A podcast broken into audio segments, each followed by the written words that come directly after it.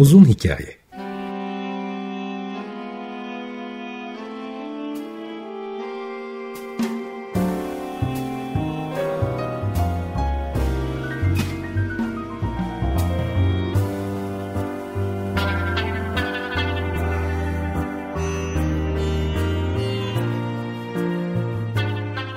Hazırlayan ve sunan Muzaffer Çorlu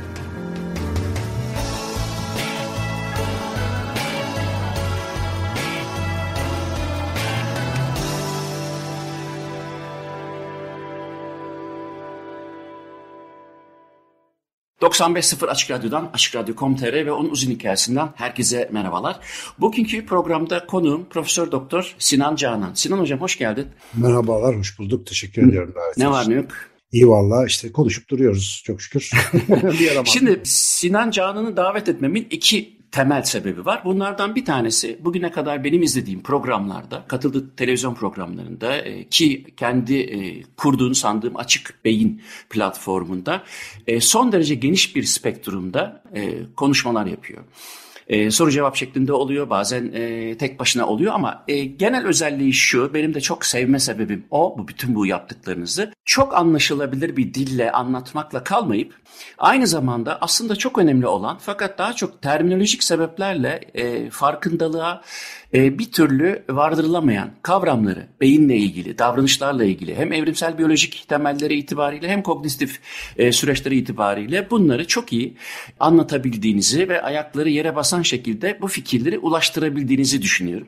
Dolayısıyla bir bunlar arasından benim yaptığım seçkiyle bir iki şeyi konuşuruz diye düşündüm ama bir o kadar da gene aslında benim alanım biliyorsunuz nöromüzikoloji ama Sinan Hoca da bu konuyla ilgili son derece e, büyük katkılar e, sunuyor. O katkılardan da yararlanmak gibi bir e, niyetim var programımızın süresinin yettiği sürece. Çok teşekkür ediyorum. Ee, inşallah güzel ve faydalı bir muhabbet olur. İnşallah. Şimdi şöyle başlayalım. Ben e, bir konuşmalarınızdan bir tanesinden bir şey didikledim. Oradan dedim ki buradan yürüyeyim. O da şu. Şimdi Alain de Botton'un e, yazdığı Ateistler için Din kitabını referans gösterip orada çıkarttığınız e, kıssadan hisseyi ben de e, vallahi dedim ki ne güzel kitabı hiç okumasaydım da direkt bu bilgiyi böyle hap olarak alsaydım. Orada diyorsunuz ki o konuşmada e, sanıyorum bir televizyon programıydı. Bilgiyi duygularla harekete geçirerek aktarma meselesi e, çok önemli bir e, noktadır. Çünkü bilim adamlarından, bilim insanlarından özür dilerim. Bilim insanlarından ziyade insanların, din insanların ya da vaaz veren insanları daha fazla ciddiye alması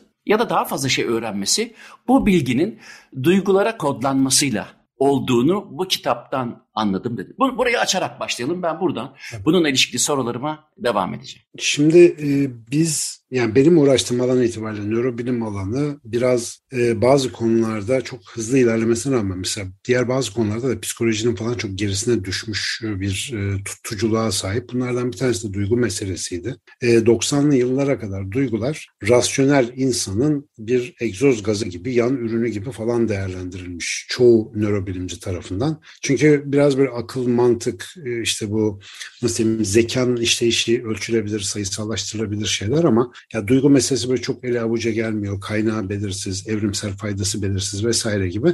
Ve çok o, o konuyu açamamışlar ve duygularla çok ilgilenememişler. Ama 90'lı yıllarda bu Antonio Damasio Descartes'in yanılgısı falan gibi kitapları yazmaya başladığında bu artık harcı alem bilgi havuzunun içerisine beynin ve insanın dolayısıyla duygusal bir çalışma sistemine sahip olduğu konusu ancak ancak girdi. Fakat bu konu çok daha önceden psikologlar tarafından defalarca söyleniyordu ve binlerce yıl yıldır da aslında liderler ve e, dini önderler tarafından çok iyi kullanılıyormuş. Mesela ben geriye dönüp baktığımda fark ediyorum.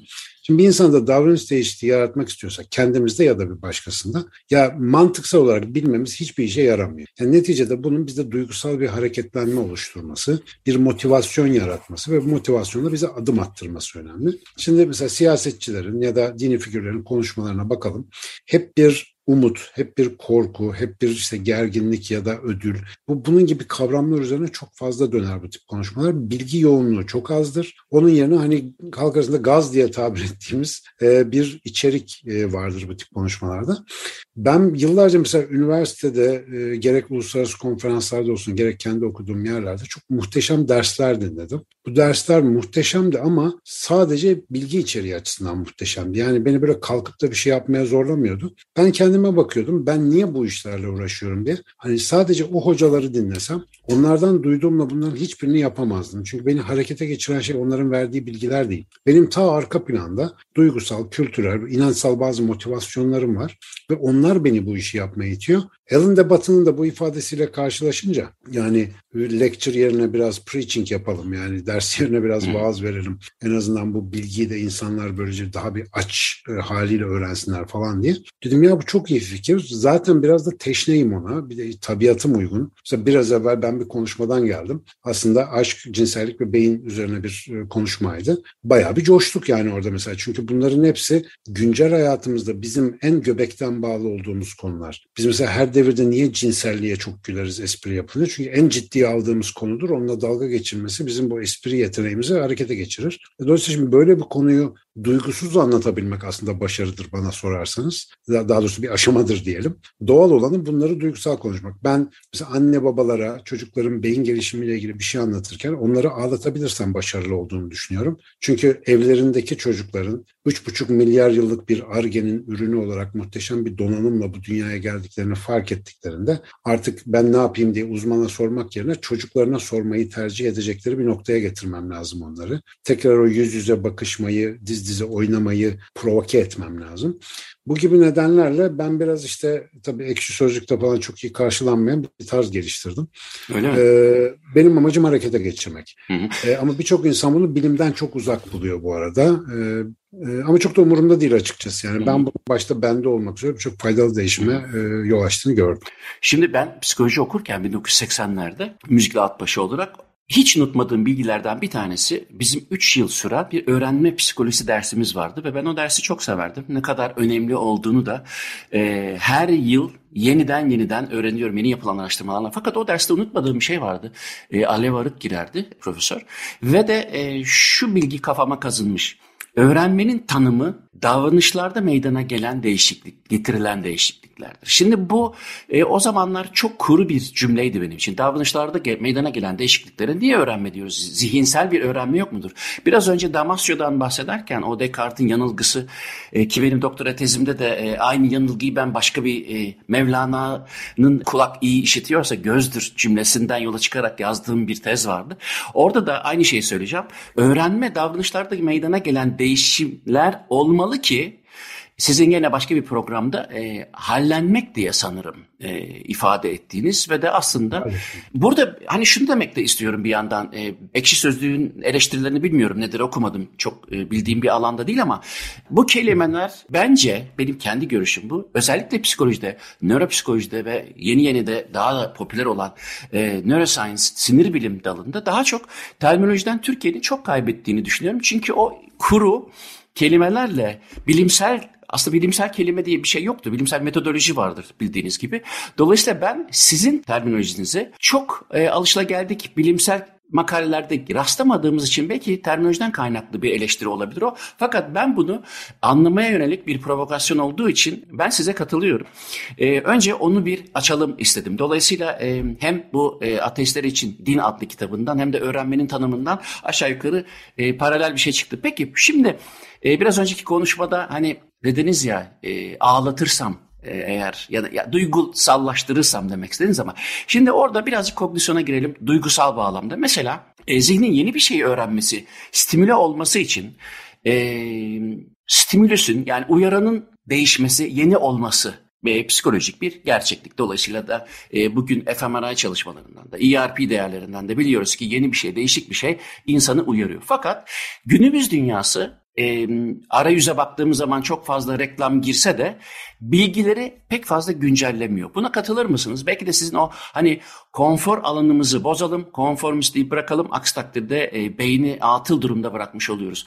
Bir, e, bunun içini biraz da bu perspektifle dolduralım mı? Şimdi e, bizim öğrenme sistemimizin e, gözden kaçtığını düşündüğüm bir özelliği var. O da pasif bir uyarı alıcısından ziyade uyarı arayıcı bir sistem var bizde. Hı hı. Devamlı olarak etrafı tarayıp kendisine veri üretmeye çalışıyor. Bu işte duyu yoksunluğu durumlarında, işte özel e, izolasyon koşullarında halüsinasyonlar görmeye başlamamızın nedeni de biraz bu. Beyin uyaran almıyorsa bile onu uydurmak e, ihtiyacı hissediyor. Şimdi böyle bir vasatta bizim sistem aslında kendi içeriden arayış kalıplarıyla yani biraz böyle kendi jargonumla anlatacağım onu. Arayış kalıplarıyla belli bilgilerin peşinden gidiyor, belli deneyimlerin peşinden gidiyor ve dış dünyada duysal olarak aldığımız deneyimler bu deneyimlerle örtüştüğü zaman olasılık dedektörü gibi çalışarak o içindeki arayışta dışarıdaki olayı eşleştirip oradan bir bütünleşme adına öğrenme dediğimiz bir iz çıkarıyor. Tabii bu beynin belli bir yerinde olan yerini bildiğimiz bir şey değil ama tespit ettiğimiz şey nere, neyi arıyorsanız onu görüyorsunuz aslında. Biraz böyle bir sistem çalışıyor içeride. Ve şimdi bizim birçok davranışımızı değiştiren hadise aslında literal bir bilgiyi öğrenmekten çok bir farkındalıkla başlıyor. Mesela önce bir farkındalık. Bu arada e, ben son kitabı yazarken bu farkındalık lafına yeni yeni aymaya başladım. Özellikle bu bilinçli farkındalık falan filan diye de şimdi mindfulness'ın Türkçe çevirisi olarak kullandığımız kelimeler bence bayağı önemliymiş. Çünkü bizim mesela pasif farkındalık diye bir şeyimiz gerçekten var. Yani şurada bir sinek uçtuğunda bir anda dikkatimizin ona dönmesi, onun farkına varmamız aslında evrimsel bir farkındalık ve bu sosyal medyanın en iyi pazarladığı şey. Bizim sürekli farkındalığımızı oraya buraya oraya buraya sündürüyor. Ama bilinçli farkındalık bilerek bu arada fark sözü işte e, diğerlerinden ayrılan özellikler anlamına geliyor. Yine Arapça kökenli bir terim. Aslında algısal olarak bir şeyi gündemin dışına ayırarak onu solit ayrık bir nesne olarak ya da bir kavram olarak ele almak, dikkati ona yöneltmek anlamına geliyor. Şimdi bunu siz iradi olarak normalde evrimsel ya da duysal gündeminizin size size zorlamadığı bir zamanda çıkarıp önünüze koyarsanız, işte atıyorum nefesinize odaklanırsanız, geleceğinize, geçmişinize, bir şeyinize özel olarak odaklanırsanız bu o olayı sizin bilinçli farkındalığınıza getiriyor. Ve bilinçli farkındalık çok ciddi davranış değiştirme yetkisine sahip olan bir şey. Yani siz bir kere Hatta bir söz var çok seviyorum onu da alıntılamıştım. E, eyleme geçmeyen farkındalık pişmanlıktır diye. Bir farkındalık yaşıyorsunuz. Artık onun öyle olması ya da öyle olmaması gerektiğini biliyorsunuz. Artık bu bilme halini oluşturuyor. Bu aksiyona geçmez ise bu sefer kendinizle çelişen ve zaman içerisinde pişmanlıklar yaşayan bir insana dönüşüyorsunuz. Farkındalığın boyutuna göre az ya da çok.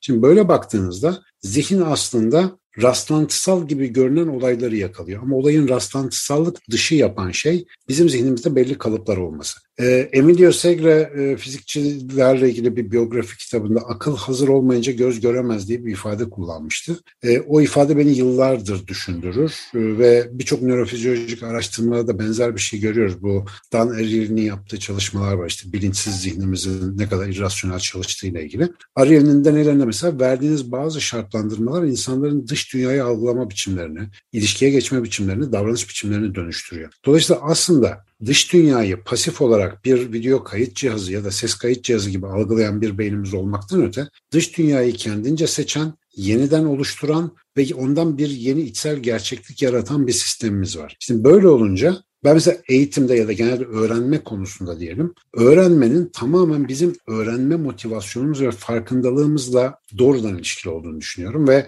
aslında eğitimin yapması gereken şeyin bizim öğrenme farkındalığımızı değiştirmek. Yani bakmamız gereken yeri, aramamız gereken veriyi bize göstermek olduğunu düşünüyorum. Şimdi ben açıkçası kendi eğitimlerimde, kendi yaptığım konuşmalarda ana konum bu. Bir sürü nörobilimsel bilgiyi saçabilirsiniz. Nöronların bilmem ne kimyasallarından bahsedebilirsiniz. İnsanları mekanizmayı anladıklarına dair ikna da edebilirsiniz ama o bilgiyi elde etmelerini istemelerini sağlayacak olan sebebi vermeniz çok daha önemli. Çünkü bu bilgi artık harca alem her yerde var ki zamanımızın da özelliği bilginin artık hani pornografik bir şekilde erişilebilir olması. Her türlü bilgiye erişiyorsunuz ama uygun motivasyonla uygun şeyi aramıyorsanız bu devir insanda zihin çöplüğü ve işte bu e, ne diyorlar ona bulanık zihin falan dediğimiz sendromları yaratıyor. Dolayısıyla her zamankinden daha fazla şimdi neyi aradığını bilen, o konuda ısrar eden ve bulduğu zaman da onu tanıyan zihinlere ihtiyacımız var. Bu da işte bir farkındalık meselesi. Ee, o olasılık deteksiyonu yani olasılık tespiti dediğimiz sistem de aslında bütün hayvanlardaki temel bir beyin devresiyle ortak çalışıyor gibi gözüküyor. O da işte bu haz ve ödül devresi. Biz mesela umduğumuz bir şey olduğunda ha diyoruz ya da umduğumuz bir şey öyle çıkmadığında mesela illüzyon gösterilerinde bir anda yüzümüz aydınlanıyor. Böyle bir dikkatimiz oraya toplanıyor. Ya da günlük hayatımızda umduğumuz bir şey olmazsa, beklentilerimizin tersine bir şey olursa duruma göre bizim için tehlike yaratıyorsa ödül sistemi azalıyor. Yani cezalandırma hissediyoruz. Ama bize bir şey olmazsa mesela orada da bir ödül hissedip gülüyoruz mesela. Mizah böyle ortaya çıkıyor. Beklentilerimize aykırı bir şey ortaya çıktığı zaman. Bütün bu hikaye ne gösteriyor bize? beklenti üreten bir zihin var. Devamlı ileriye doğru beklenti yaratıyor. Edindiği duysal deneyim ya da yakaladığı olay buna uyuyorsa hiçbir şey olmuyor. Ama bir şekilde uymuyorsa, bir çelişki varsa ya da bir boşluğu dolduruyorsa o veri o zaman işte farkındalık ya da öğrenme dediğimiz işlem gerçekleşiyor gibi. Ben bunu gerçekten çok büyüsel bir şey olarak görüyorum. Böyle baktığınızda direksiyon insanın elinde. Ve Hı-hı. çoğu insan direksiyonun kendi elinde olduğunu bile fark etmeden buradan geçip gidebiliyor yani. Fakat günümüzde şöyle bir şey yok mu? Ben, ben mi öyle gözlemliyorum? Şimdi e, günümüzde dediğim bu ikinci internet devriyle beraber sanki öyle görüyorum. E, ya da biraz önce dediğiniz gibi internetteki o bilgi e, fa, fazlalığı demeyelim. Bilginin fazlası değil ama e, onu nasıl tükettiğimizle ilişkili belki de e, insanın farkında olmak gibi bir niyeti de yok gibi onu provoke etmek gerekiyor. Özellikle gördüğüm kadarıyla yani biz tabii kognitif psikologlar bunu böyle görüyoruz ama insanların özellikle ağrıdan, acıdan, kaçmak isteyişleri ve bu eşiğin giderek de düşüyor olması artık 18 e, yaşındaki insanların bile işte sevgilim terk etti diye antidepresan kullanmasından tutun da yarın sınavım var sakin olmam lazım. E, dolayısıyla bir takım e-haplar kullanıyor. Bütün e, bu bunlar bir gösterge midir? Günümüzde giderek artan şekilde farkında olmamak, ağrıdan acıdan aslında çıkacak dersleri ıskalamaya yol açan bir bir bakış açısı yok mudur? Ya da ben mi abartıyorum? Ben, benim gözlemim bu. O çok doğru bir gözlem. Aslında bunu e, hani sizin alanla da ilgili mesela eskiden şifanelerde musiki terapi diye bir şey varmış. Ve insanların bayağı mesela işine yarıyormuş değil mi? İşte böyle bir sürü hastalıkta kullanıyormuş. Bugün de konuyla ilgili efsaneler gerçekler birbirine karışmış durumda. Yani çok çözemiyoruz ama atıyorum bir 200 sene önce, 300 sene önce Edirne Şifahanesi'ne gittiğinizde duyduğunuz müziği... Ondan önce Kevser Nesibe Kayseri'de 800 ha, evet, sene önce. Mesela yani 800 sene, 1000 sene önce müziği nerede duyabilirdiniz bir düşünün. Ya meyhaneye gideceksiniz ya şifahaneye gideceksiniz. Yani ya da evinizde çok şanslı olacaksınız da bir efendim musiki şinas biri olacak bir şeyler çalacak söyleyecek. Dolayısıyla mesela müzik uyaranın az olduğu bir zamanda müzikal uyarı çok kıymetli bir şey ve arayıp bulmanız, dikkatle tüketmeniz gereken bir şey o. Çünkü her an böyle fast food gibi tüketemiyorsunuz. Şimdi müzik kirliliğinin içinde yaşıyoruz. Ben müzik tedaviyle ilgili araştırmalarla uğraşan mesela en son sevgili Profesör Doktor Şükrü Torun Hoca Eskişehir'de böyle bir merkez kurdu. Türkiye'de ilk yüksek lisans programı zannediyorum bu konuda. Evet.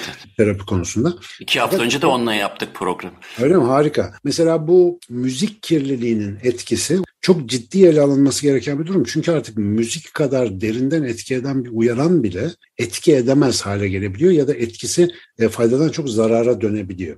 Şimdi veri arayan bir cihaz olarak düşünürseniz beyni bu kadar veri bolluğu içerisinde bütün slotlarının dolması son derece doğal. Ve şimdi benim adına ağrı kesici medeniyeti dediğim bir yerde yaşıyoruz. Kötü hissetmemiz, acı çekmemiz falan adeta yasak. Sistem sürekli iyi olmamız gerektiğini bize pompalıyor. İyi hissetmiyorsan ne yap? Sosyal medyaya gir. İyi hissetmiyorsan alışveriş yap. İyi hissetmiyorsan fotoğrafına filtre at. İyi hissetmiyorsan e, yeni dijital ortamlara gir ama riske de girme. Gerçekten tanışmaya gerek yok. Orada geyik yap hayatını çevir. Şimdi bu kadar palyatif ağrı kesicinin olduğu bir yerde gerçek duyguları, düşüncelikleri ve farkındalıkları yaşamak doğru gittikçe zorlaşıyor. Daha da kötüye gidiyor bu iş. Ben açıkçası işte bizler 70'li yıllarda 80'li yıllarda büyümüş efendim analog çağları görmüş. Oradan bir anda cuk diye kendimizi cebimizde naklen yayın istasyonları taşıdığımız bir zamanda bulmuş birileri olarak muhtemelen bu dijital teknolojinin içine doğan gençlerimizden biraz farklı bir manzara görüyoruz. Ben kötümser değilim fakat bir şey yapılmazsa kötü bir şey olacağı aşikar. Çünkü insan teknolojiyi 3 yaşında bir çocuğun jilet kullandığı gibi kullanıyor. Yani ne yapacağını da bilmiyor. Gerçi kendisiyle ilişkisi de öyle. Kendisini de nasıl kullanacağını çok bilmediği için insan ortalığı darma duman ediyor. Şimdi bu sistem insanın istihap haddini kaldırabilme kapasitesini kat be kat aşan miktarda bilgi, eğlence ve içerik üretiyor. Benim oğlum yıllarca YouTuber olma hayaliyle yattı kalktı. YouTube videosu seyretmekten bir tane bile YouTube videosu çekemedi. O kadar çok içerik var ki çocuğun aklına ne gelse zaten yapılmış oluyor ve böyle o artık bir pasif tüketiciye evrilmek üzereydi neredeyse. Allah'tan karar değiştirdi. Şimdi başka şeyler yapıyor da o o kadar çok içerik bize iyi gelmiyor. Hatırlayalım plaklarımız, kasetlerimiz vardı. İtinayla hatta Türkiye'de bulamadığımız için gider korsan morsan kopyalatır evde biriktirirdik bunları. Hala dört koli kasetim var ve atamıyorum. Bir sürü plak var bir yerlerde tıkılı duruyor. Artık o medyumlar çalarları yok dinleyemiyoruz. Fakat bugün işte Apple Müzik'tir, Spotify'dır, Fizi'dir bir sürü dijital platformla aradığım her türlü şarkıya anında ulaşabiliyorum. Bizi dinleyen herkese soralım. Hangi şarkıyı oturup baştan sona dinlediniz en son? Bu büyük bir problem. Artık girişini işte ilk nakaratı bilmem ne dinledim geç öbürüne geç öbürüne tamamen beynimiz bir çöplüğe dönmüş vaziyette ve müzik konusunda, kitap konusunda hep söylediğim bir şey var. Ağzımızdan gelene bu kadar dikkat ettiğimiz yerde kulağımızdan, gözümüzden girene nasıl dikkatsiz davranabiliyoruz? Bunu anlamak çok zor. Bu kültürü geliştirebilmek için bunun biraz sopasını yememiz gerekiyor. İnsan öyle öğreniyor çünkü. Hı hı. E, inşallah çok sopa yemeden öğreniriz ama bu enformasyon çağı bize faydadan çok zarar sunuyor son kullanıcı olarak. Son kullanıcıların ciddi sıkıntısı var. Hı hı. O zaman biz şimdi baştan sona olmak kaydıyla Dream Theater'dan Silent Man'i dinleyelim sonra devam edelim. Biz insanlar mutlu olmak için dünyaya gelmedik. Hayatta kalabilmemiz hayatımızın yüzde sekseninin ağır mücadelelerle, depresyonlarla, melankolilerle, yaralarla geçti. Dolayısıyla mutluluk mutsuzluğun yanında küçücük bir şey kalıyor fakat sizin orada onu daha güzel e, tespit ettiğinizi düşünüyorum. Onu sizden alıntılayayım. İyi hissetmek için değil, iyice hissetmek için. Ben bunu birinden duydum. Ha, kim söylediyse ağzına sağlık. Çok güzel. Çok güzel söylemiş. Hani referansı vereyim şimdi e, bilemedim de tam kimden duydum ama gerçekten mesela ağrı duyusu olmasa fizyolojik olarak ki biz bunu deneysel olarak yapabiliyoruz. Mesela maymunların kollarına giden duyu sinirleri kesiliyor. Ve kay, maymun kolunu ısırıp kopartarak vücudundan atıyor. Onu kendisine ait hissetmiyor. Ağrı duyusu olmasa beden bütünlüğünü koruyamıyoruz. Acı olmasa yanlışı bilemeyiz biz. Yani gerek psikolojik acılar gerek bedensel acılar. Dolayısıyla bu kadar ağrı hissetmeme, mutlu hissetme direktifleri altında uyuşturucu müptelası olduğumuzu fark etmemiz lazım. Yani bu evet. da sürekli ağrı kesici alan arkadaşların sıklıkla ani kalp krizlerinden ölümüne benzeyen bir psikolojik fenomen yaratabilir. Orada olan da şu, devamlı ağrı kesici aldığı için insanlar kalp krizinin habercisi olan kalp ağrısını, anjina pektorisi hissedemiyorlar. Hı hı. Ağrı kesici bunu baskılıyor ve haber, haberler geliyor olmasına rağmen beyne ulaşmıyor. Sonra diyorlar ki adam aniden gitti. Aniden falan değil belki iki senedir sinyal veriyordu ama duyamıyordu. Dolayısıyla alarmı susturmak yerine alarma kulak verip gereğini yapmak lazım. Ama şimdi modern, modern demeyelim de pozitif psikoloji daha çok söyleniyor.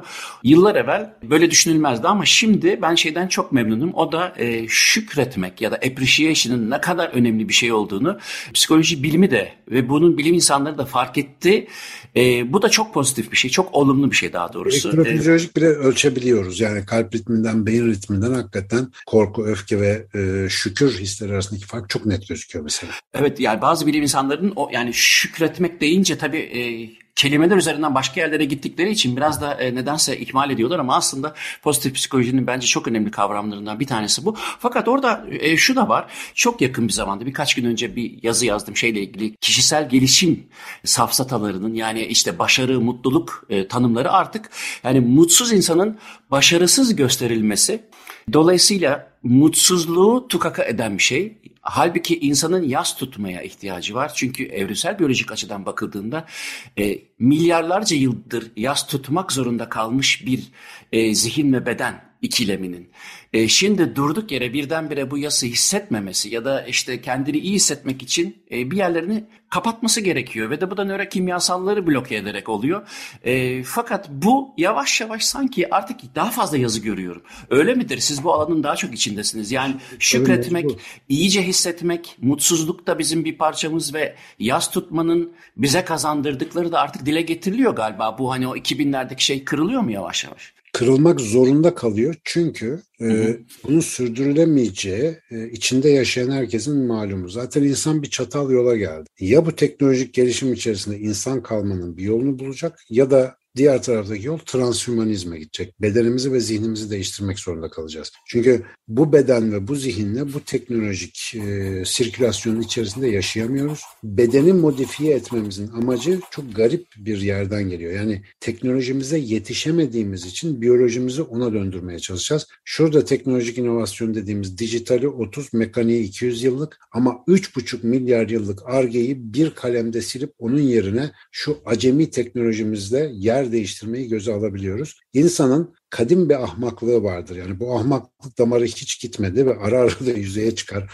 Bazen savaşlar, bazen işte garip garip fikirler falan şeklinde, ideolojiler şeklinde. Bu da o ahmaklık damarının modern tezahürlerinden birisi. Birileri ciddi ciddi insan bedenini modifiye etmenin bilimsel ve teknolojik araştırmalarına ciddi paralar yatırıyor. Ve bu ne kadar hamakat bağlantılı bir fikir olduğu fark edilmeden yapılıyor. Yani kendini anlamaktan hatta hatta bir tık daha ileri gideyim canlılığın ne olduğunu bile tarif etmekten uzak bir zekayız biz. Biz daha canlının ne olduğunu tarif edemedik. Ama onun en komplike versiyonlarından bir tanesi olan insan bedeniyle ve zihniyle oynama yetkisini kendimizde görebiliyoruz. İşte e, sırf yapabiliyor olduğu için yapmak yani bilim bilimin şu anda teknolojinin maalesef ana mottosu bu. E bunun da bedellerini hep ağır ödedik ve ağır ödeyeceğiz. Çok yeni bir e, aptallık değil bu yani. Biz bunu hep yapıyoruz maalesef. Ama tabii hani psikolojide artık hemen hemen herkesin bildiği bir şey olan, kavram olan ya da tepki olan hani Türkçe'de tam olarak ne dendiğini lütfen siz söyleyin. Fight or flight,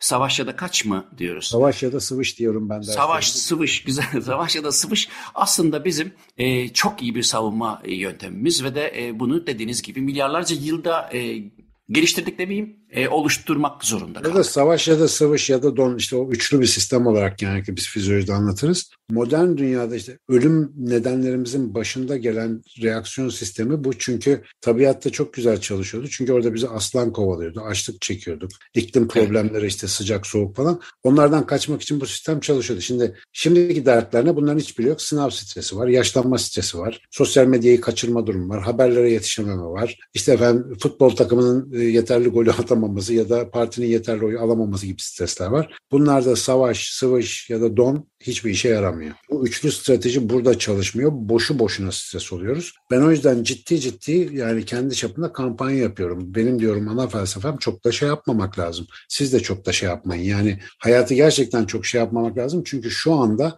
gerçek bir yaşamsal tehlike yaşamayan insan ne olduğunu bilmediği streslerin maalesef hasarıyla uğraşmak zorunda. Yaşamsal değil bunların hiçbiri çünkü yani. Para bakın para derdi bile yaşamsal değil aslına bakarsanız. Para omnipotent bir değerdir. Teorik olarak ona sahip olduğumuzda her şeyi alabileceğimizi sanırız ama parası olan da çok iyi bilir ki yatağı alıyor da uykuyu satın alamıyor işte öyle bir şey değil o. Yani para sadece maddi nesnelerin değiş tokuşuyla alakalı bize bir avantaj sağlıyor. O maddi nesneyi ne yapacağınızı bilmezseniz, verimli kullanacak zihinsel, bedensel sağlığınız yoksa para bile aslında yaşamsal bir mevzu olmuyor dolayısıyla. Yaşamsal mevzu bir başka. Ben biraz bu felsefeyi yani popülerize etmeye çalışıyorum açıkçası. Çünkü böyle yaşayan insanlar gördüm etrafımda. Böyle yaşayanlar artıyor da çok şükür. Ve o insanlar sadece e, dertlerinden hoşnut olmakla kalmıyorlar. Çare üretebilme motivasyonları yükseliyor bu insanların. Bana da faydalı oluyorlar yani neticede. Dolayısıyla böyle bir zihinsel dönüşüme çok ihtiyacımız var.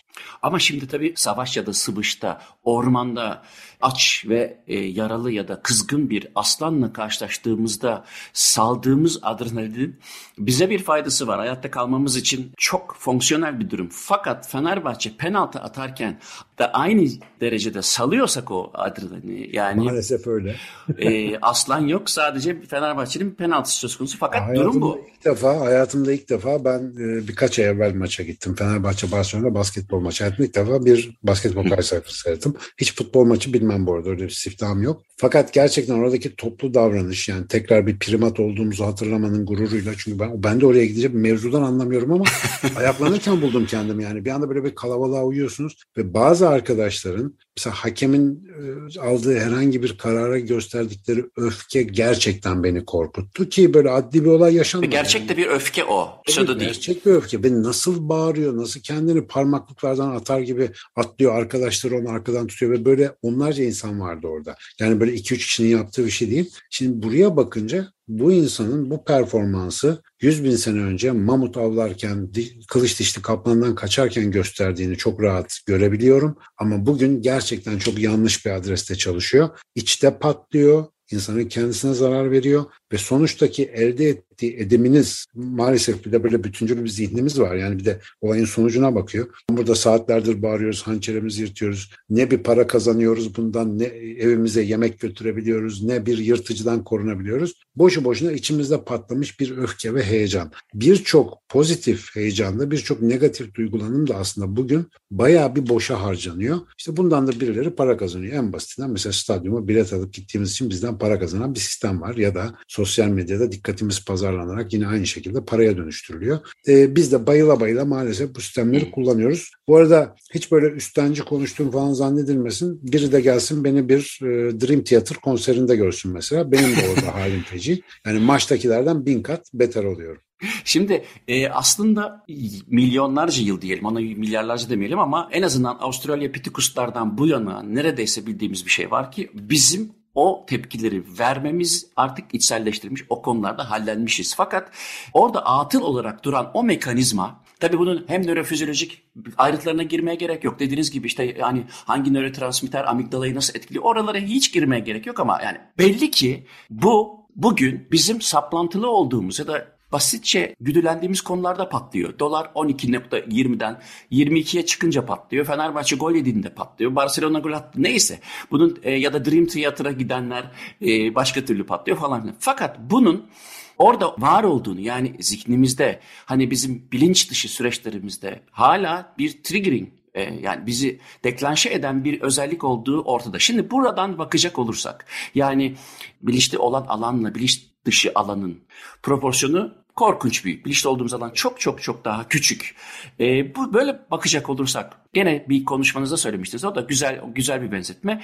E, aslında o ikisi arasındaki yani bilinç ve bilinç dışı e, arasındaki köprüyü biz sanatla yani bilinç dışındaki alanı ortaya koyma bir başka da işte oraya ulaşmayı belki sanatla yani çok daha abstrakt bir e, eylemle ortaya koyabiliriz. Buradan e, müziğe geçmek isterim ama önce lütfen e, o söylediğinizi açalım. Yani neden Sanat e, daha sanatı neden ürettiğimiz belki de. Yani evet. niye sanat diye Şimdi modern insan dediğimiz bizim işte 45 bin seneden bu tarafa olan maceramız modern insan diye adlandırılıyor. Adımız yani kognitif kırılmadan bu yanayı evet. herhalde. E, sapiens sapiens diye bir ikinci sapiens ekleniyor adımıza. Ondan öncekiler homo sapiens, Hı. biz homo sapiens sapiens. Bu arada sapiens sözcüğünün latince kök anlamlarından bir tanesi tadına varan anlamına geliyormuş. Bilge ya da düşünenden öte kök kelime e, sapiere öyle bir şey e, yani tadına varabilen gustosu olan anlamına geliyor. Bu Tabii bu arada ben e, Belçika'da yaşıyorum ve Avru Avrupa'nın bakış açısında biraz buradaki övgüler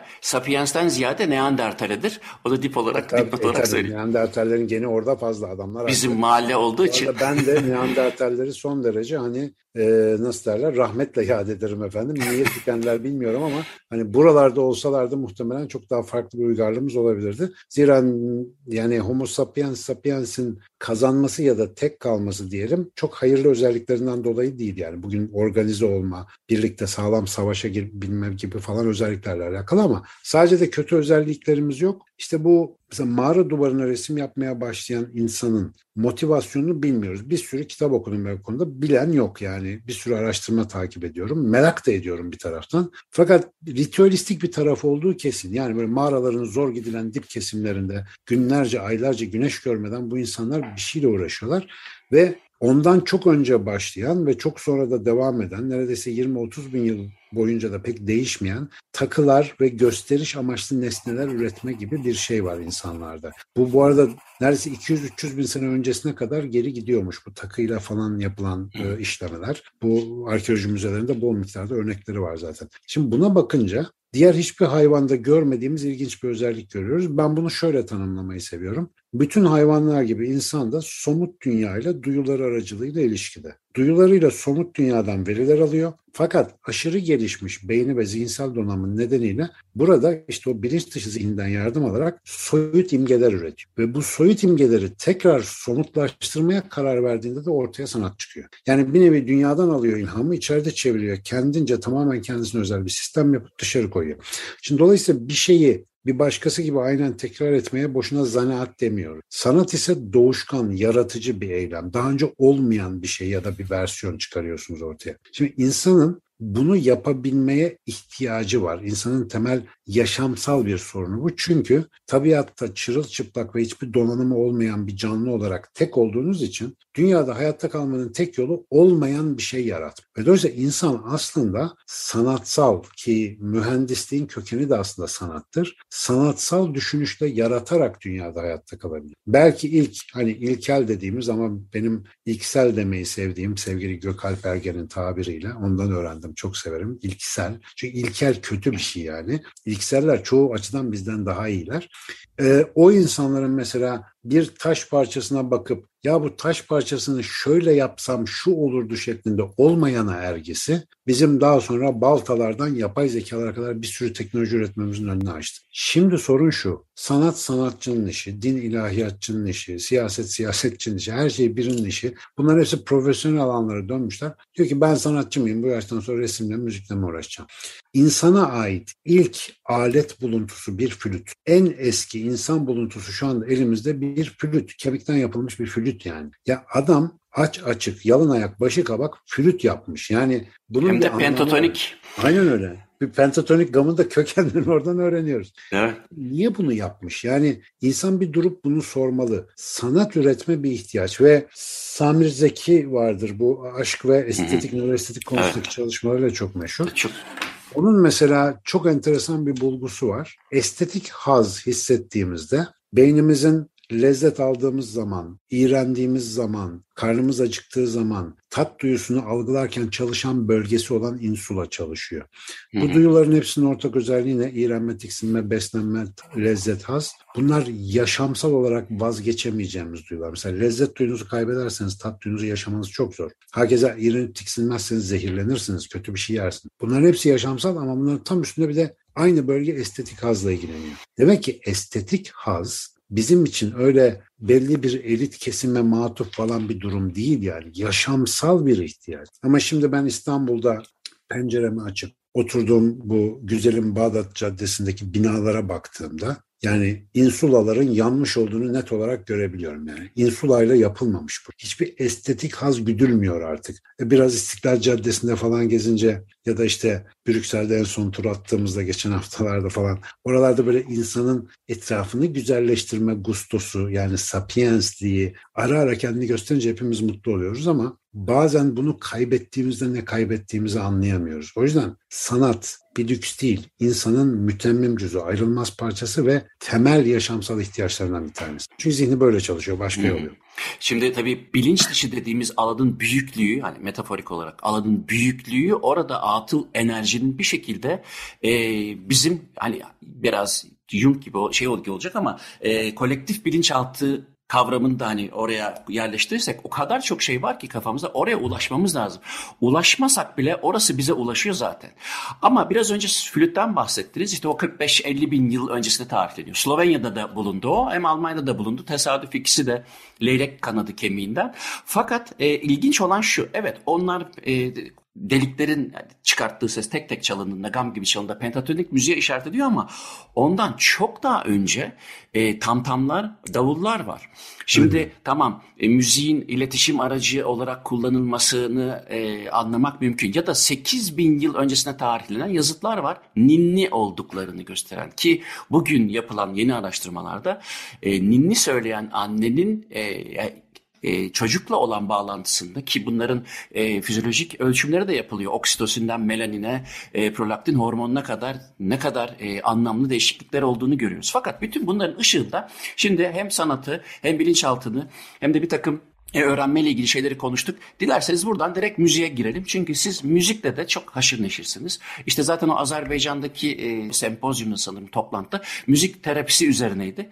Arka arkaya konuşmuştuk. Orada ben bilmiyordum sizin o kadar müzikle işte dışlı olduğunuzu ki bu programdan önce de e, bir e, albüm çalışmasından da bahsettiniz. Ö, onu ondan biraz bahsedelim sonra müziğe girelim. Ee, üniversite dönemlerine kadar ben böyle çok çılgın ve iştiyaklı bir rock, heavy metal müzik dinleyicisi olarak hep böyle bir enstrüman çalma arzusuyla yandım tutuştum ama babamın dünya görüşüyle çok iyi örtüşmediği için bayağı bir blokaj yedim o konuyla ilgili. Hatta oradaki anıları ben Değişen Beynim kitabının ana konsept olarak son bölüm olarak orada yazmıştım. E, netice itibariyle o kadar çok istedim ki en sonunda babam bir şey yapamadı. Tamam dedi sana gitar alalım falan gibi. Ben üniversitenin son senelerinde müziğe başladım. Hemen kendi grubumu kurdum kurmuştum o zamanlar. Kendi bestelerimden oluşan bir repertuarla konserler falan. Bu iş çok hoşuma gitti. Ama sonra akademisyenlik ve bu araştırma aşkı beni daha fazla kaptığı için e, hani profesyonel olarak ilerlediğim bir alan olmadı. Fakat e, ilginç bir şekilde mesela seneler sonra Mozart'a dair Mozart'a atfedilen bir hatıratı okurken çok etkilendim. Çünkü yani Mozart nere biz nere ama adam bir şey anlatıyor. Mesela ben bunu hayatımda çok deneyimlemiş bir insanım. Diyormuş ki Mozart yani bir beste geldiğinde bütün düzenlemesiyle beraber tüm parça kafamda çalmakta. Ben o sırada hızla gidip onu yazmazsam ya da çalmazsam o şeyi kaybediyorum diye işte o ilhamı.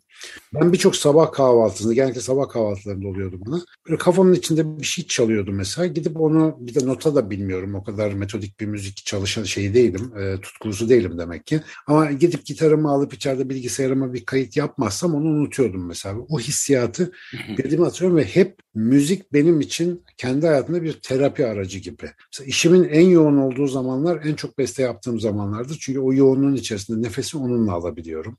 Ee, herhangi bir böyle yeni bir anlatım modeli geliştirmeden önce muhakkak müzikle biraz uğraşır. Kafayı bir akord eder ondan sonra giderim falan. Derken bu işler böyle giderken işte bir sevgili dostumuz sayesinde Üsküdar Üniversitesi'nden işte bu Metin Özürkü ile tanıştık ee, ve onun işte yapım şirketiyle ilgili falan konuşurken dedik böyle besteler mesteler. Ya dediler e, hocam senin besteler var bir dinleyelim falan. Sağ olsunlar çok beğendiler. Ve daha sonra da hani benim hayatımda çok önemli bir dönüşüm olan işte bu Pentagram ekibi Türkiye'de ben yıllardır kendilerini çok sever takip ederim. Onlarla da bir vesileyle ahbap olduk. Sevgili Canset sayesinde Canset Paçal'la internetten olan tanışıklığımız bir ahbaplığa dönüştü bizim. Sonra sağ olsun Tarkan beni babacım stüdyosuna bir soktu. Ekiple bir tanıştırdı. Hakikaten Türkiye'nin en iyi rock müzisyenlerini etrafıma topladı. Ben de utana sıkıla dedim ki arkadaşlar parçalar bunlar e, Murder King grubunun davulcusu Onur, gitaristi Fırat ve basçısı Can Yücel. Onlar da parçaları çok sevdiler. Olağanüstü bir performansla stüdyoda ben de hayatımda ilk defa mikrofonda bağıra bağıra şarkı söyledim. Çok mutlu oldum. Ve e, kayıtlarımızı büyük oranda tamamladık. İnşallah üç parçalık bir mini EP çıkacak. Benim bir 30 senelik hayalim gerçek oldu aslında şu anda. Yani böyle bir şeyin yapılabileceğini fark ettim. Ve bana en büyük dersi şu oldu. Her zaman büyük müzisyenlere böyle hayranlıkla, onların ustalıklarını taklit etmeye çalışarak gıptayla baktım, izledim. Fakat bir insan her işte yüzde yüz yetkin olamıyor ve işin ustasıyla çalışmanın tadını aldığınızda muhteşem işlerin nasıl çıktığını anlıyorsunuz. Yani Süleymaniye Camii sadece Mimar Sinan'la olmuyor. Bir de Süleyman gerekiyor arkada işte o iradeyi gösterip kaynağı sağlayabilecek. Her işin ustası bir araya geldiğinde muhteşem eserler çıkıyor. Ben besteyi galiba iyi yapıyorum. Yani aklıma güzel şeyler geliyor ama gitar yetkinliğim o kadar değil. Fırat geldi ortalığı darmadağın etti mesela. Davulda Onur beni benden aldı. Bas hayatımda duymadığım bir bas partisyonuyla parçalarım şenlendi. Çünkü hepsi işin ustasıydı. E, bu bana çok büyük bir tecrübe oldu yani her işi ustasına bırakmak noktasında. Ve bakalım işte dinleyiciler ne diyecekler bilmiyorum. Ne zaman çıkıyor? E, Valla bu yılbaşına kadar çıkartalım dedik ama hani biraz teknik işler var arka planda. Onları bitirince en kısa zamanda çıkaracağız. Herhalde yılbaşı ya da Ocak ayı içerisinde olur diye düşünüyorum. Hayırlısı Öyle olsun şimdiden. Valla evet e, ben de merak ediyorum e, kayıtları. Ben kayıtları paylaşırım. Tamam, okey süper anlaştık. Şimdi bir, ben bir nöromüzikolog olarak aynı zamanda e, müzik konusunu şuraya getirmek istiyorum. Öyle de bağlayalım isterseniz. O da şu, şimdi e, görünen o ki bu hani e, Harari ile beraber çok da popüler oldu bu e, kognitif kırılma. E, 75 bin yıl hadi diyelim. Fakat e, Steven Pinker biliyorsunuz e, çok önemli bir sinir bilimci. E, müziğe yazdığı kitapta bir yerde e, auditory cheesecake dedi. Yani Türkçeleştirirsek işitsel kek diyelim. Fakat hem David Levitin'in e, This is Your Brain on Music kitabında ya da e, benim de yaptığım bir sürü deneyde e, çalışmalarda gördük ki hiç de öyle auditory cheesecake değil. Biraz önce sizin söylediğiniz gibi aslında biz müziğe mecburuz. Çünkü çok büyük ihtimalle konuşmayı öğrenmeden önce sesler çıkarttığımıza göre o seslerle bir takım duyguları ağlamak, inlemek, bağırmak, çağırmak gibi kullandığımıza göre aslında enformasyonu biz e, seslerin piçine ya da frekansına yüklemeyi ya da temposuna, ritmine yüklemeyi ya da timbrına, tınısına yüklemeyi zaten biliyorduk. Bazı e, larynx çalışmaları da gösteriyor ki ses çıkartmamızın konuşmamızdan e, on binlerce yıl önce olduğu net ortada. Dolayısıyla biz konuşmadan önce müzik diyelim ona, müzik yapabildiğimize göre duygularımızı da e, müziğe kodladık. Şimdi konuşmanın yani programın başında şeyden bahsettik.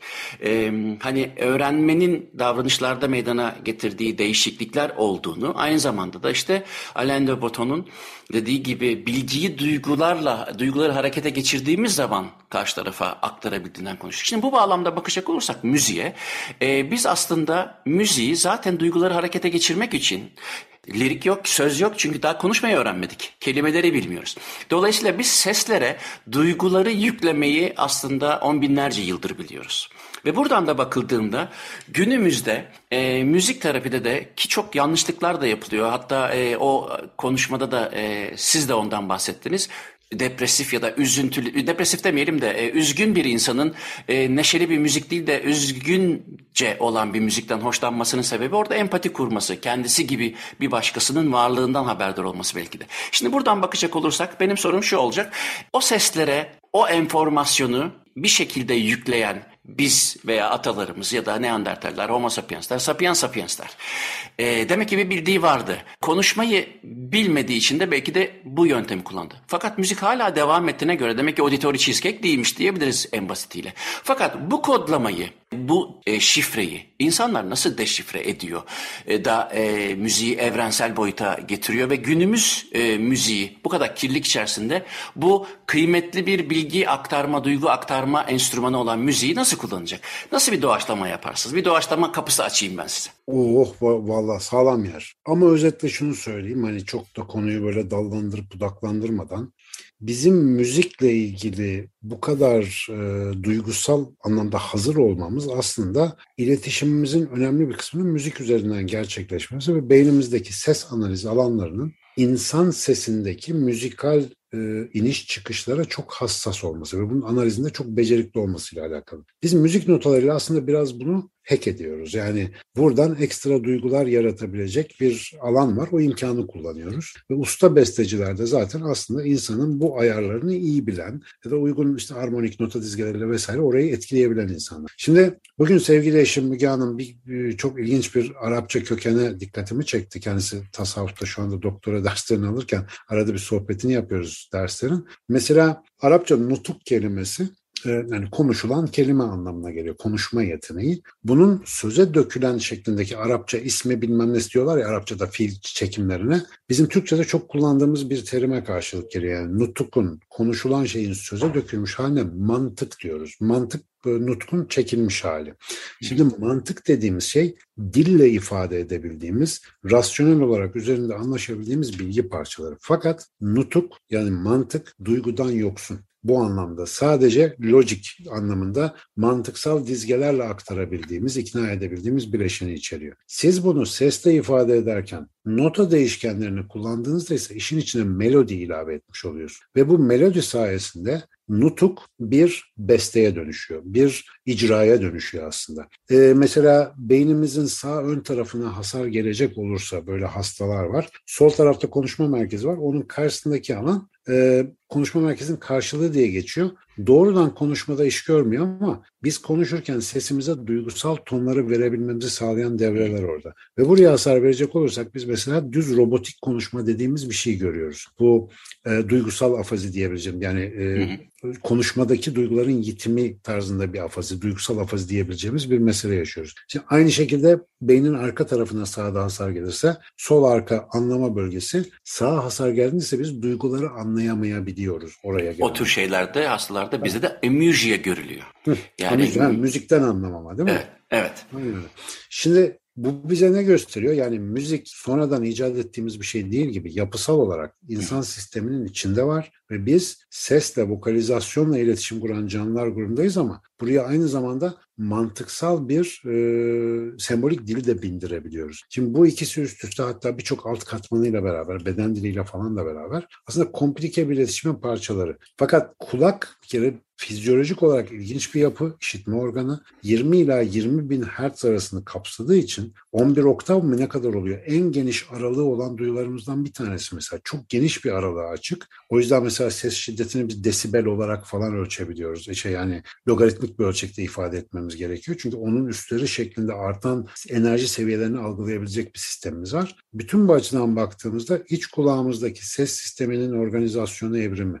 Mesela çene kemiklerimizden değişerek atalarımızın terapsitlerin çene kemiklerinden küçülerek oluşmuş kulak kemiklerimiz. Onlar çeneleriyle duyuyor. Biz aynı dört çift çene kemiğinin üçünü kafanın içerisinde kemik yapmışız. Özel kaldıraç sistemiyle amplifikasyon yap, yapıyoruz sese. Bu buna değeceğini düşünmüş evrimsel süreçler sesin. Efendim koklea gibi son derece masraflı, sıvılı, zarlı bilmem ne bir organ koyup beynin en büyük sinirlerinden bir tanesi olan kokleer siniri de oraya bağlamışsınız. Ara ara tonla istasyondan geçerek beyninize kadar ulaşan ve insanı derinden etkileyen bir duyu meydana çıkmış. Mesela bu binöral bitler falan diye şimdiki uygulamalar var malum. Ses dalgaları üzerinden beyin sapı çalışma frekanslarını bile etkileyebiliyorsunuz. Yani ses o kadar beynin en altından en üstüne kadar sadece bilişsel düzeyde değil, duygusal düzeyde de hatta vejetatif dediğimiz bedensel düzeyde de çok etkili bir şey. Bütün bunları topladığınızda annelerin bebeklerine niye ninni söylediğini anlamak hiç de zor değil. Bizim vücudumuzda oksitosini en fazla salgıladığımız zaman birlikte şarkı söylediğimiz zaman. Şarkı söyleyip dans ettiğimizde.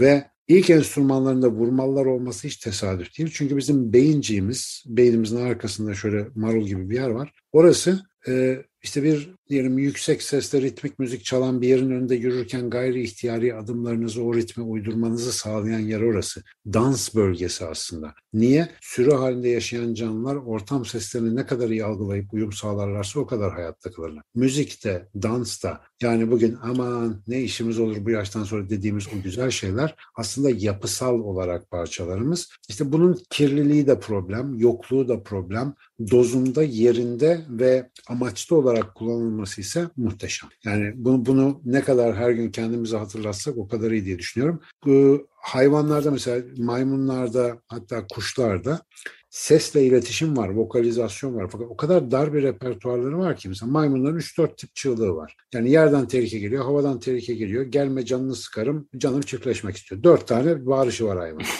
Dolayısıyla kartal bilmem ne kartalı geliyor demesine gerek yok ya da kartal kuzeybatıdan geliyor demesine gerek yok. Bağırıyor ve havaya bakıyor. Diğer bütün maymunlar havaya bakılması gerektiğini sesten nereye bakılması gerektiğini maymunun baktığı yerden anlıyorlar. iş çözülüyor. Ama insan o kargaya şiirler yazıyor, oratoryolar besteliyor, bir şeyler yapıyor. Yani bizim sistem biraz daha komplike çalışıyor ve bildiğim kadarıyla hala hayvanlardaki ses çıkarma yeteneği yani vokalizasyonla insandaki lisan arasındaki bağlantıyı bulamadık. Yani onun evrimi konusunda hala karanlık çok nokta var. Ama bir gecede ortaya çıkmadığı açık. Orada bir geçiş var ama bu geçiş muhtemelen kognitif bir sıçramayla bağlantılı gibi gözüküyor. Bu da bizim için onu çok önemli yapıyor. Bütün bu konularla ilgili benim kendi YouTube kanalımda da evrim ve müzik e, seminerim var. Meraklısı olan varsa Sinan Oo, Hoca'nın söylediklerini. Hocam, haberim yok. E, bu akşam. Orada da birazcık ayrıntılarıyla e, anlatıyorum. Fakat çok iyi oldu. E, çünkü e, hani hem e, öğrenmeden hem kognitif e, süreçlerden hem de müzikten bahsettik. Fakat süremiz e, bu kadar e, Sinan Hocam. Fakat e, bu birinci Çok program olsun. E, benim daha soracağım çok şey. Daha bazal ganglionlara giremedik. Oradan tasavvufa giremedik. Onların e, insan zihninin e, katmanlarına giremedik ama gireriz. Başka bir zaman. Tamam, Sözünü almış ben olayım. muhabbetten çok keyif aldım. Böyle kafe dengi bir muhabbet her zaman bulunmuyor. Ben, ben de öyle. Çok teşekkür ederim. E, bugünkü programda konuğum biyolog, fizyolog, aynı zamanda sinir bilimci e, diyelim. Profesör Doktor Sinan Canan'dı. Bana ulaşmak için Muzaffer Çorlu Gmail adresine yazabilirsiniz. Muzaffer Çorlu Twitter e, hesabından bu programla ilgili ayrıntıları görebilirsiniz. Açık Radyo bu programı Spotify'a tekrarını koyacak. Ben de e, kendi YouTube kanalıma görüntülü olarak koyacağım. Haftaya görüşürüz. Hepinize günaydın.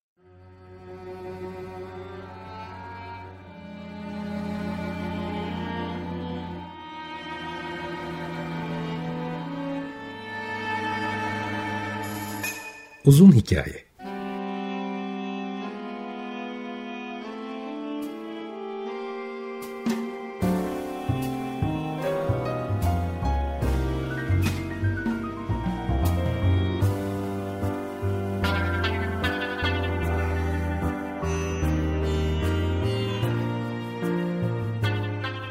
Hazırlayan ve sunan Muzaffer Çorlu